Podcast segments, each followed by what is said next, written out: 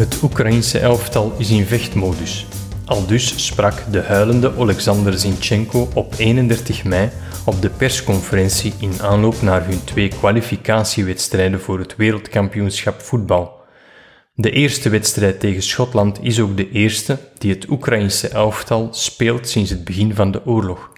Een land dat gedeeltelijk tot woestenij herschapen is, richt zich op een ticket voor het WK voetbal.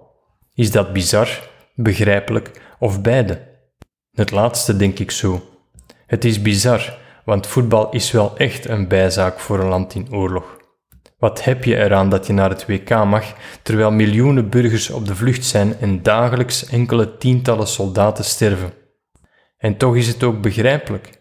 Zinchenko maakt duidelijk dat ze spelen voor hun land. Daarnaast is het ook een spreekwoordelijke springplank om de invasie aan de kaak te stellen. Oekraïense en Schotse fans zingen buiten het stadion samen het Oekraïense volkslied. Op het scorebord staat de boodschap vrede. En voetballegende Pele doet vlak voor de aftrap een rechtstreekse oproep aan Poetin om de invasie te stoppen. Oekraïne wint de wedstrijd, maar de tweede wedstrijd om zich te plaatsen voor het WK tegen Wales wordt niet gewonnen.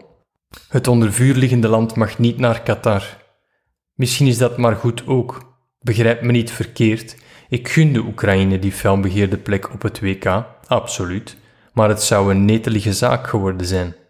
Al jarenlang roepen mensenrechtenorganisaties moord en iets minder brand over de bouw van de WK-stadions. Duizenden werknemers werden uitgebuit en werkten onder slechte omstandigheden. Een werkweek van 80 uur in de bak over die Qatar is. Je zou van minder doodvallen. Er zijn dan ook volgens Amnesty enkele duizenden niet onderzochte sterfgevallen die in verband gebracht kunnen worden met de bouw van de stadions. FIFA-baas Gianni Infantino, die althans in het verleden een goede relatie had met Poetin, u weet tot welk land hij behoort, houdt echter stug vol dat er maar drie mensen omgekomen zijn. Toch trekken sponsors zich terug. Het woestijnland ligt onder spreekwoordelijk vuur en heeft intussen toegegeven dat er sprake is van uitbuiting, maar wijst naar privébedrijven. Ach, het gevoel bekroop me dat het allemaal wel erg cynisch aan het worden was. Het WK, waar mensenrechten met de voeten getreden werden, zou door Oekraïne en anderen gebruikt worden om op te roepen tot menselijkheid, rechtvaardigheid en het stoppen van bloedvergieten. Een ethische landmijn.